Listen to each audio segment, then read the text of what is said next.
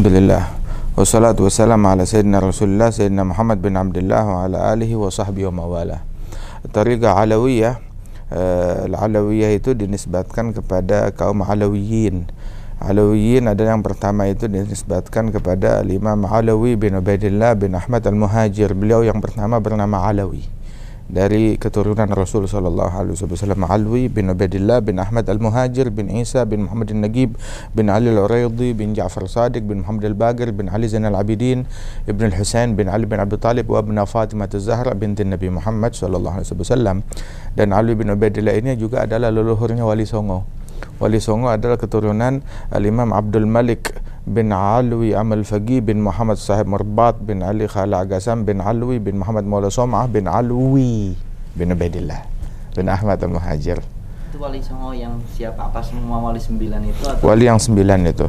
Berarti wali songo. itu?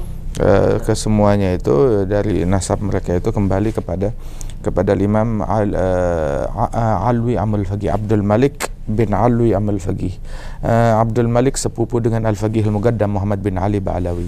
Al Habaib yang ada sekarang ini keturunan dari Al Fagih Al Mugaddam Wali Song itu keturunan dari uh, uh, Ammul Fagih pamannya Al Fagih Al Mugaddam uh, pamannya Al Fagih Al Mugaddam punya anak namanya Abdul Malik bin Alwi termasuk juga Imam Abdullah Al-Haddad sahib beratib keturunan dari dari Alwi Ammul Fagih pamannya Al-Fagih Al-Mugaddam Muhammad bin Ali Ba'adawi wa kulluhum min Rasulillah semuanya dari Rasulullah.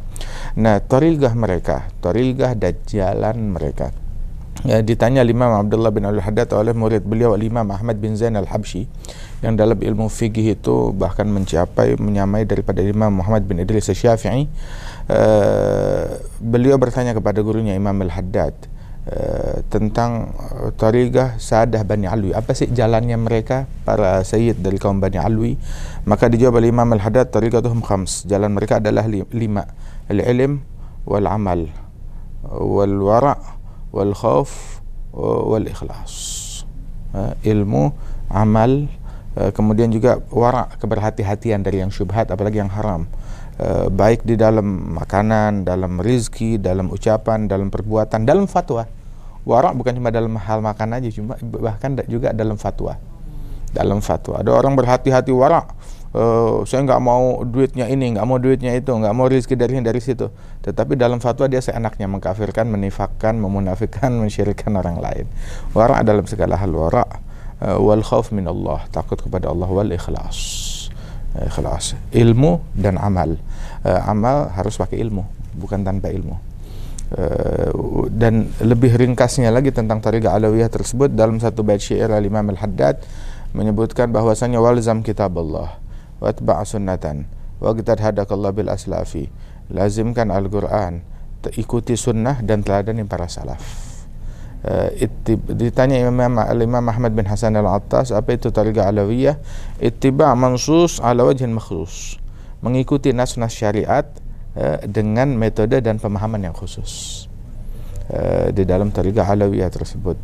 Wa tariqah alawiyah tersebut ketika disampaikan oleh Syekh Muhammad Sa'id Ramadan Al-Buti tentang tariqah mereka ini khamsa ilmu amal al-khawf uh, al-wara wal ikhlas wal khawf min Allah taala maka beliau menjawab, menjawab lima hal ini. Lubuddin intisari agama di situ sebagaimana beliau ucapkan hal itu kepada Syekh Al-Habib Umar bin Muhammad bin Sa'id bin Hafiz hadhihi kullaha lubuddin intisi, intisari daripada agama. Wa uh, hadhihi tariqah al-alawiyah yang diwariskan secara turun-temurun uh, dari ab an ab an ab begitu. Dari ayah kita dari ayahnya lagi dari kakeknya dari guru terus sampai kepada Rasulullah sallallahu alaihi wasallam dan bermuara semuanya itu kepada kepada al-Imam al-Ustadz al-Azam al-Faqih al-Muqaddam Muhammad bin Ali Ba'alawi. Di dalam tariqah tersebut beliau guru besar daripada tariqah ini yang mematenkan tariqah ini. Dan beliau juga yang mematahkan pedang. Eh, sebagai eh, isyarat eh, syiar kalau mereka ini mundur uh, tidak ikut campur di dalam uh, perselisihan duniawi. Baik itu harta ataupun tahta uh, dijadikan itu sebagai simbol.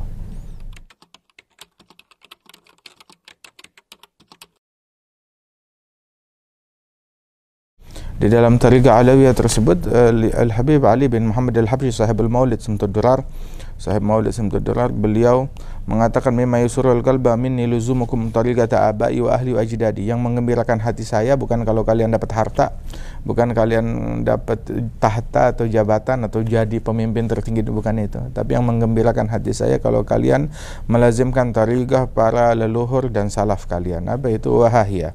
Amal khalat an ibn wa ilman wa akhlak wa kathratu awradi. Amalan yang murni dari penyakit hati dari hal-hal yang bisa merusak membuat amalan itu cacat. Disertai dengan ilmu. Uh, dengan ilmu bukan cuma sekedar tarikat tanpa ilmu. La ilm harus dengan ilmu. Wa akhlak diiringi dengan akhlak yang luhur. Wa kathratu awrad banyak berzikir kepada Allah Subhanahu wa taala. Adapun di dalam keilmuan mereka di antara para masyayikh sadah tariqah Bani Alwi ini yang mencapai derajat keilmuannya dalam ilmu zahir seperti Imam Syafi'i seperti Al-Imam Ahmad bin Zain Al-Habsyi sahib Risalatul Jami'ah yang menulis banyak kitab juga. Eh, dan juga di antara mereka yang fil fiqh kal azru'i wa fi tasawuf wal adab muttasi'i. Uh, Abdullah bin Hasan Balfagi yang dalam ilmu fikihnya itu seperti Al-Imam Al-Adhruhi di antara mereka juga yang memiliki keilmuan yang sangat tinggi mencapai derajat ijtihad seperti Al-Imam Tahir bin Hasan bin Tahir Al-Imam Abdullah bin Umar bin Yahya waktu datang berjumpa dengan para ulama haram di musim haji saat pergi haji ditanya tentang keadaan pamannya Tahir bin Husain dan Abdullah bin Husain bin Tahir. Beliau jawab adapun Khalid Tahir bin Husain bin Tahir uh, balagha rutbah uh, al-imamah al-uzma.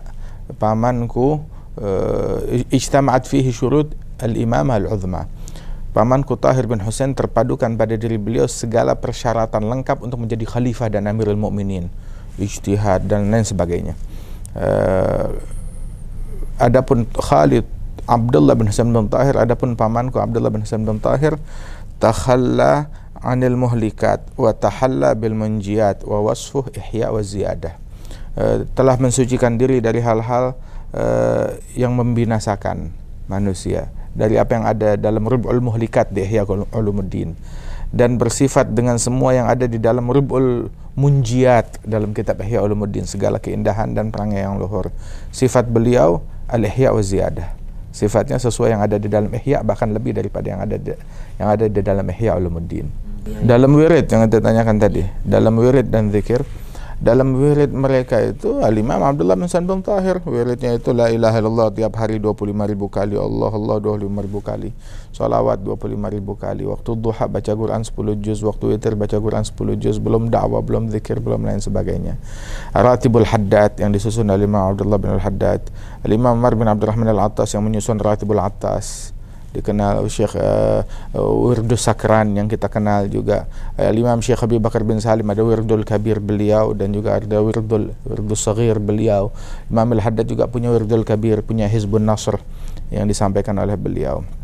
Uh, akan tetapi uh, yang kita dapat dari para guru-guru kita wirid tersebut ya dibaca diamalkan uh, bukan dipuasain bu bukan di apa itu enggak dilakukan dalam tarigah yang khusus dalam tarigah alawiyah ini. Uh, walaupun dilakukan dalam tarigah yang lain benar-benar saja. Tapi dalam tarigah kita ya dibaca apa adanya. Dengan kehadiran hati dengan khusyuk uh, di waktu-waktu yang yang tertentu. Kasratul awrat wirid mereka banyak. Al-imam al-faqih mugaddam di antara wiridnya tiap malam seribu rakaat Al-Faqih Al-Muqaddam. Imam Abdurrahman Segaf di antara wirid rutinnya itu setiap hari hatam Quran. Siang empat kali hatam Quran, malam empat kali hatam Quran. Subhanallah.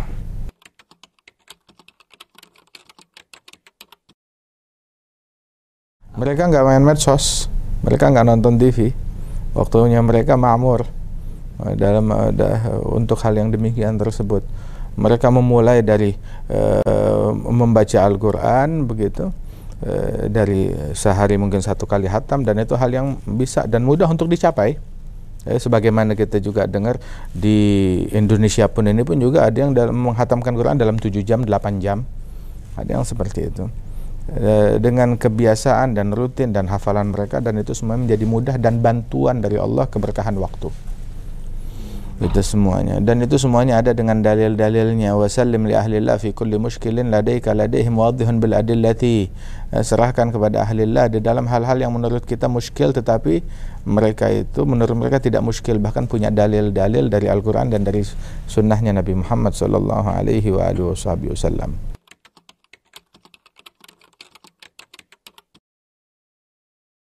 tidak enggak harus semuanya di antara yang menempuh tariqah Alawiyah ada Imam Abdullah bin Ahmad Ba'saudan uh, Imam Abdullah bin Sumair uh, dan juga kathir di sini dari masyayikh al-Baraja begitu dan juga uh, para masyayikh al-Basalamah dari para masyayikh al-Khatib al-Bafadl Imam Abdullah bin Husain uh, Balfaqih beliau bilang wafatani min khiyarin nas kam rajulin ma faraga dhikra tul al-umri wal kutuba بكاء ليلته سجاد خلوته من خوف مالكه يستعذب التعب من آل رسول الله أكثرهم آل أبي فضل الأخيار والخطباء Eh, di antara mereka orang-orang yang uh, melazimkan daripada tariqah yang luhur yang mulia ini kebanyakan mereka dari ahlu Rasulullah wa ahlu Abi Fadl dan ahli Khatib dan selain dari mereka dari para muhibbin dan para pecinta termasuk para kiai, para masyayikh yang ada di sini yang mana semuanya itu mereka menempuh daripada tariqah al-alawiyah uh, yang dimuliakan oleh Allah Subhanahu wa taala ini. Uh, kalau melihat dari jalurnya tadi uh, al-Habib Alawi itu jalur Hasan apa Husain atau bagaimana? Al Husain. Al Husain. Al Husain Wasad Al Hasaniyin pun juga banyak semua yang menempuh jalan yang mulia ini. Banyak sekali termasuk ala muqaddamatihim Sayyid Muhammad bin Ali bin Abbas Al Maliki. Yang mana beliau pun uh, menempuh daripada tariqa dan jalan yang luhur yang mulia ini. Sayyid Muhammad bin Ali bin Abbas Al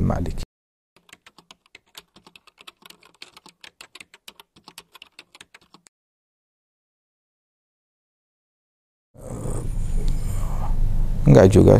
Kadang ini dipakai nama Sayyid, dipakai nama Habib. Nama dulu semuanya memakai nama istilah Sayyid atau Syekh. Uh, Sayyid untuk para sadah, keturunan Rasul uh, ataupun Ashraf, Ashraf uh, seperti di Mekah di mana tempat uh, ataupun juga para ulama dan sepuh mereka dikenal dengan Syekh. Uh, Syekh Abdullah Ba'alawi, Syekh Al-Faqih Al-Muqaddam. Syekh Abdul Rahman Al-Segaf, Syekh Habib Bakar bin Salim. Istilah Habib baru populer di zaman Imam Umar bin Abdul Rahman Al-Attas. Beliau yang dipanggil Umar bin Abdul Rahman Al-Attas. Wa man ba'dahum uh, Habib ada panggilan mahabbah cinta. Uh, sebutan kepada orang yang uh, sifatnya pecinta kepada sesama dan mudah untuk dicintai oleh orang lain. Ada Al-Habib, mahbub. Makna al-mahbub, al-habib, al-mahbub, al-muhib. Hadal Habib dengan banyak makna.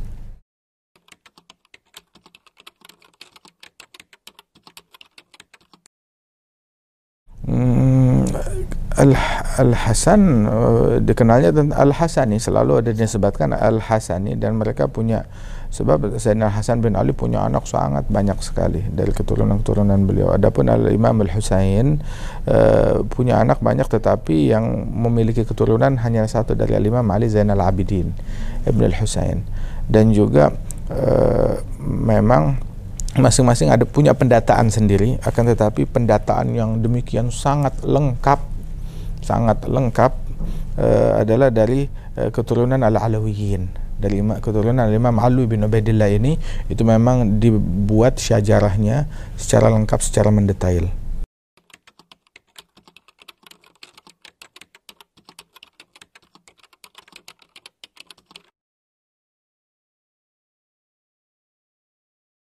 yang la fi, fi ghairuhum ada juga dari Imam Ali Al-Uridhi ada juga dari Musa Al-Kazim ada juga akan tapi yang yang didata kita sekarang ini adalah dari Al-Imam Ali bin Ubaidillah. Keturunan Al-Imam Ali bin Ubaidillah Al-Muhajir. Kalau yang mempunyai julukan Al-Muhajir itu siapa saja? Al-Muhajir Ahmad bin Isa. Hanya satu ya? Ahmad Al-Muhajir. Namanya Ahmad Al-Muhajir.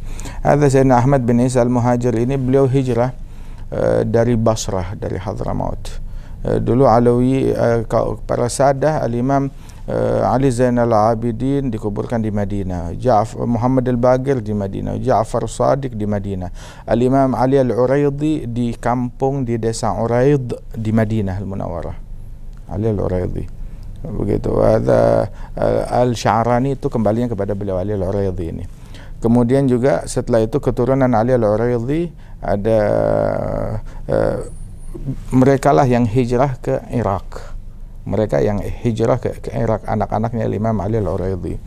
Nah, sampai masanya Imam Ahmad Al-Muhajir, ayah beliau Isa dan Muhammad bin Nagib. Isa dan Muhammad bin Nagib dikuburkan di Irak. Al-Imam Ahmad Al-Muhajir beliau di Irak. Lahirnya di Irak. Kemudian beliau hijrah ketika melihat uh, keadaan di Irak yang sudah tidak ramah untuk penjagaan akhlak dan moral ahlul bait ha, uh, sudah apa namanya bisa membahayakan zuhudnya mereka, membahayakan wara'nya mereka, membahayakan ikhlasnya mereka, membahayakan amalnya mereka, membahayakan uh, agidahnya mereka, maka dia li lihat ini enggak layak untuk keturunan saya. Bukan karena faktor duniawi, faktor duniawi mereka sangat berkecukupan, sangat berkecukupan di sana, sangat kaya raya uh, akan tetapi yang beliau khawatirkan adalah faktor agamanya mereka ini akhlaknya menurun. Akhlaknya maka beliau memutuskan untuk hijrah. Beliau punya adik namanya Imam Muhammad bin Isa. Kebetulan adiknya ini gubernur di Basrah. Dia bilang keluar kamu dari jabatan kamu. Bilang tapi saya mau menjalankan syariat Islam dalam memimpin. Kamu bisa memimpin katanya beliau. Apakah kamu bisa memimpin sesuai dengan kepemimpinan Abu Bakar Siddiq Umar bin Al-Khattab Oh, Uthman bin Affan, Ali bin Abi Thalib bilang saya nggak bisa. Ya kalau kamu nggak bisa ya keluar percuma, akan membebankan kau. Maka dia mundur, dia tinggalkan itu semua. Maka pergilah Imam Ahmad Al-Muhajir bersama keluarga beliau dan pengikut beliau hijrah.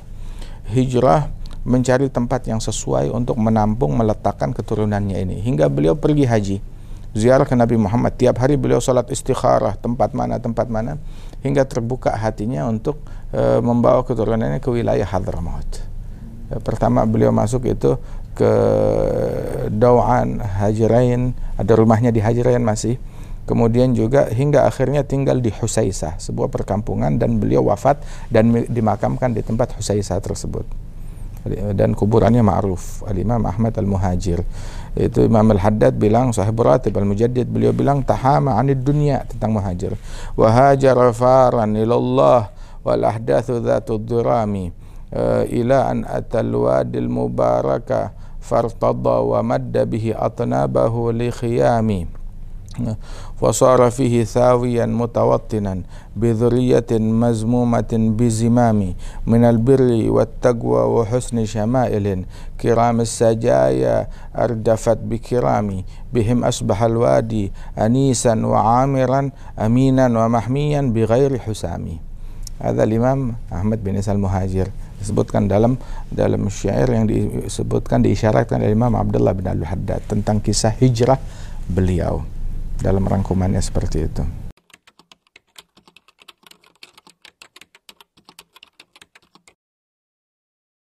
Ahli bait yang pertama datang ke lembah Hadramaut, ke negeri Hadramaut.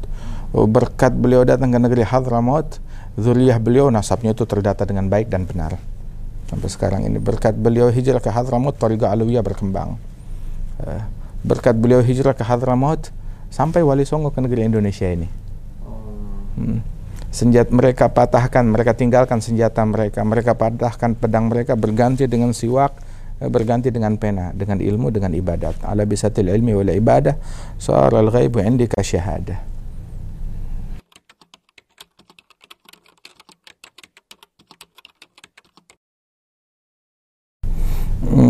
mereka itu Al-Imam Abdul Malik datuknya Wali Songo itu. Beliau hijrah dari kota Tarim Hadramaut uh, Ahli Bait yang pertama masuk ke Tarim itu Al-Imam Ali Khala Agasam. Ali Khala Agasam bin Alwi bin Muhammad Maula Som'a bin Alwi bin Abdillah bin Ahmad Al-Muhajir. Ada Imam Alu, uh, Ali Khala Agasam beliau yang pertama membangun masjid uh, uh, Bani Alwi Masjid Ba'alwi di kota Tarim Hadramaut beliau seorang wali besar, ulama besar dan memiliki kedermawanan yang sangat besar dan luar biasa.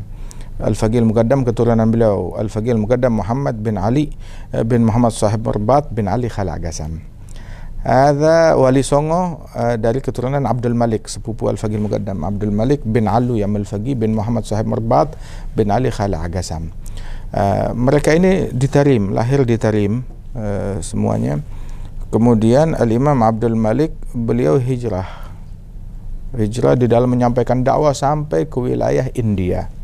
Kemudian dari wilayah India tersebut bersama anak keturunannya lagi terus uh, uh, berketurunan di sana di dalam menyebarkan dakwah hingga keturunannya kemudian itu yang masuk ke wilayah pelosok sampai ke ke bumi Indonesia ini. Sampai ke bumi Nusantara ini itu yang dikenal tentang Al-Azamat Khan. Hmm, Al-Azamat Khan. Al-Azamat Khan adalah dari uh, kaum Alawiyin dari dari Bani Alwi dari keturunan Al-Imam Alawi bin Ubaidillah. Imam Alawi bin Ubaidillah. Al-Azamat Khan yang mana mereka merupakan uh, keturunan uh, Imam Abdul Malik bin Alwi Al-Faqih dan Wali Songo itu adalah mereka ini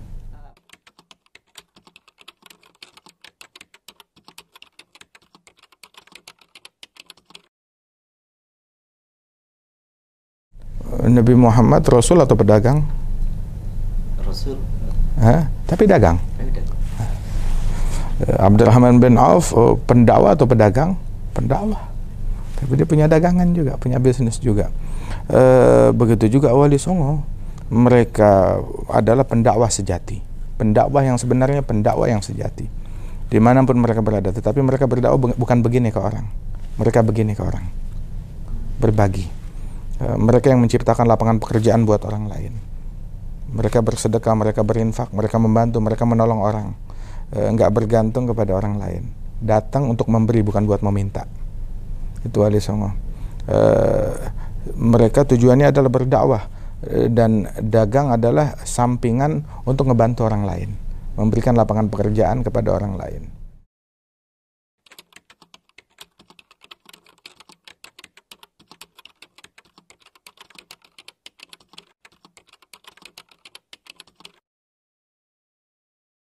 وريدني minal uh, minal mutaakhirin.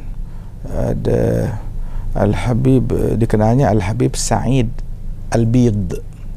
Eh, Al-Habib Sa'id Al-Bid min As-Sadah Al-Hasil hadha Al-Habib Sa'id Al-Bid dia punya kenalan di wilayah Afrika ini. Yang cerita Habib Umar ke saya berkali-kali bukan cuma sekali. Ini asli Ahmad Habib Sa'id Al-Bid. Iya begitu. Dia pendakwah di wilayah Afrika sana. Dia punya kenalan satu orang tinggal di satu kampung di Ninawa atau apalah nama tempatnya itu terpencil di wilayah Afrika sana. Hai Umar yang cerita kepada saya. Kemudian dia bilang kepada kenalannya di kampung kamu ada orang Islam nggak? Bilang nggak ada kecuali saya sendiri aja. Kalau gitu tolong carikan saya sebuah lahan buat rumah, rumah. Ama sebelah rumah itu saya mau ada toko carikan lahan uangnya udah saya siapkan. E, kalau udah siap semuanya udah siap semua saya datang. Disiapkan semuanya dia kirim uang dia siapkan semuanya. Kemudian dia kirim surat sudah siap Habib tempatnya. Maka datang. Maka muslim di kampung itu cuma dua orang dia sama tuan rumah ini. Itu kerjaannya dia berdagang setiap hari. Nggak lupa dari duhanya, witirnya, ngajinya, zikirnya, ibadatnya. E, dakwahnya bagaimana? Di toko dia buka lapak dia berdagang e, berdagang apa namanya ya beras minyak dan lain sebagainya. Itu kalau ada orang datang mau beli semua penduduk kampung adalah non muslim datang kepada dia mau beli beras eh, dikasih sedikit minyak. Loh saya belinya beras kenapa dikasih minyak juga? Bilang e, ini minyak ini bonus beras ya kan mau dimasak lauknya perlu minyak. Loh kenapa kamu baik sekali oh apa misi kamu? Eh, saya Rasul yang ngajarkan saya untuk berbuat baik. Siapa Rasul? Nabi Muhammad. Siapa Nabi Muhammad? Utusan Allah. Kenal Islam dari situ. Ada orang beli kopi atau beli teh, dikasih sedikit gula. Saya beli kopi, beli teh, kenapa dapat gula? Ya kopi kalau nggak pakai gula nggak enak, nggak manis, pahit. Dikasih gula. Kenapa? Siapa yang siapa yang apa misi kamu? Apa tujuan kamu? Ya Rasul ngajarkan kita untuk berbuat baik kepada semua manusia, seagama ataupun beda agama hingga akhirnya semua orang tertarik dengan akhlaknya beliau terkenal ini viral di kampung itu sampai bilang ya Habib Said kata orang-orang ini Uh, ini akhlak kamu bagus, saya mau kamu ajarkan ini kepada kita. Tapi kalau kita orang sepuh, tokoh masyarakat, orang tua, ngikutin kamu aib lah. Masa kita ngikutin pendatang? Jadi kita mau anak-anak kita aja bilang, hat sini anak-anak kalian biar belajar akhlak ini kepada saya. Ada kumpul lah anak-anak mereka, anak-anak kepala sukunya ada 10-20 orang, dididik, diajarkan akhlak, diajarkan Islam, diajarkan sholat, hingga anak-anak itu menjadi anak yang akhlaknya paling bagus, paling luhur, paling santun, paling bakti kepada orang tua, paling bersih. Orang kalau masuk Islam bersih. Paling bersih, paling rapi. Subhanallah. Hingga akhirnya uh, beda dari anak-anak yang lain. Sehingga semua orang tua pengen anak-anaknya seperti itu. Sampai orang tua bilang, jangankan anak-anak kita pun juga mau ikut kepada engkau. Satu kampung berubah jadi muslim berkat satu pedagang muslim. Sampai semuanya itu dia rubah menjadi masjid. Baru kemudian dia bikin masjid di kampung itu. Tadi nggak ada masjid karena udah kebutuhan. Akhirnya dia bilang ya khalas, ini masjid saya serahkan kepada engkau tetangganya dia yang muslim, muridnya dia. Nah, sekarang carikan saya kampung yang lain yang nggak ada muslimnya, saya mau bikin proses yang sama di sana. Subhanallah. Masuk Islam seperti itu. Begitu. Datang bukan untuk mengkudeta. Datang bukan untuk menjajah. Datang untuk memberi, untuk membantu. Radhiyallahu anhum wa ardahum alaihim salamullah. Wa in kanu qad madaw fa dhikrum lahum bagi wa qad sya'a bin nagli. Masyaallah. Uh, سأبكي عليهم ما حييت بعبرة لها مدمع في الخد يشهد بالثكل وأحمل نفسي ما استطعت على اقتفاء سبيلهم حتى وسد في الرمل إن شاء الله kita bisa ngikut jalan mereka memberikan pengaruh uh, yang baik, akhlak yang baik, menunjukkan citra yang baik kepada masyarakat, citra Rasulullah sallallahu alaihi wasallam mencerminkan nabi, akhlaknya nabi, ilmunya nabi, tagwanya nabi, istiqamahnya Nabi Muhammad sallallahu alaihi wasallam. Tasawuf bukan teori. Tasawuf khuluq. Tasawuf khuluq. Tasawuf adalah akhlak. Man izdada 'alaika fil khuluq faqad izdada 'alaika fi tasawuf.